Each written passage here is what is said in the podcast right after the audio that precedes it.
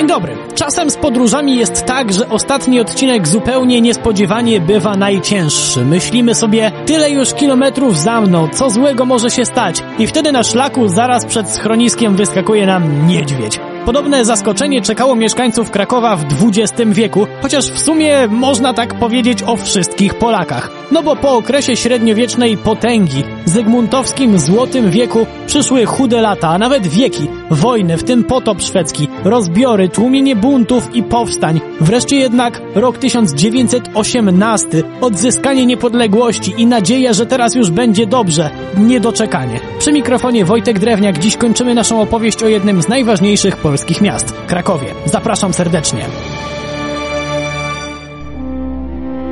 Nie jest wielką tajemnicą, że pierwszych kilka lat po Wielkiej Wojnie w naszym kraju, który dopiero odzyskał niepodległość, szału nie było. I to już pomijając wojnę z bolszewikami, generalnie była straszna bieda, a w Krakowie bieda była na tyle dotkliwa, że w 1923 roku ludzie wyszli na ulicę, żeby protestować i to wcale niepokojowo. Jednak nawet w tym ciężkim okresie powoli wszystko zaczynało zmierzać ku dobremu. Powstała Akademia Górnicza, a ten charakterystyczny duch artystyczny miasta nigdzie nie planował umykać. Kwitła sztuka, w tym sztuka żydowska na jakże popularnym Kazimierzu, kiedyś oddzielnym mieście założonym przez Kazimierza Wielkiego, a później dzielnicy właśnie żydowskiej, co naszym absolutnie nie przeszkadzało. Byli jednak tacy, którzy mieli inne zdanie i przyjechali z zachodu w 1939 roku, brutalnie kończąc okres względnego spokoju.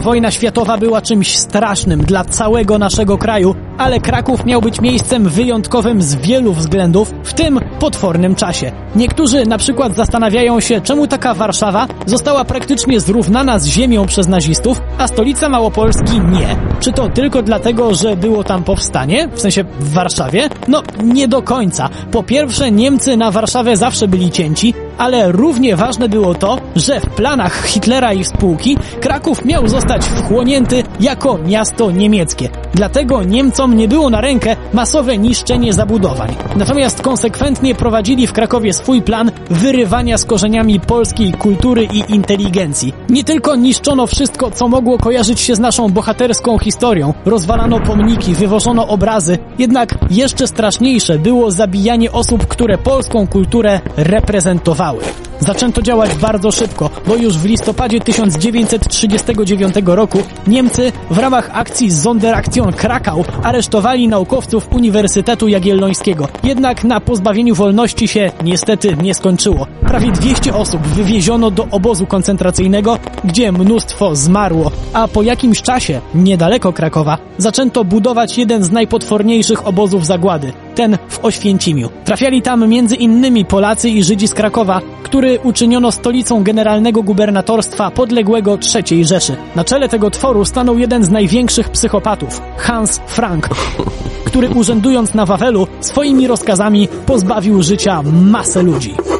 Tym w żydowskim getcie, bo oczywiście getta były nie tylko w Warszawie i w Łodzi. W tym krakowskim zamknięto prawie 70 tysięcy osób, z których większość zginęła albo z głodu i chorób, albo w komorach gazowych. Jednak mimo tych strasznych warunków ludzie się nie poddawali. W Krakowie działała żydowska organizacja bojowa i oczywiście polski ruch oporu, którego członkowie ryzykując życiem robili niesamowite rzeczy. Raz na przykład udało się zniszczyć spis Polaków przeznaczonych do wywiezienia na roboty do Rzeszy. Nasi dbali też o to, żeby hitlerowskie gnidy nie czuły się w mieście bezpiecznie, organizując zamachy chociażby na lokalnego dowódcę SS i policji.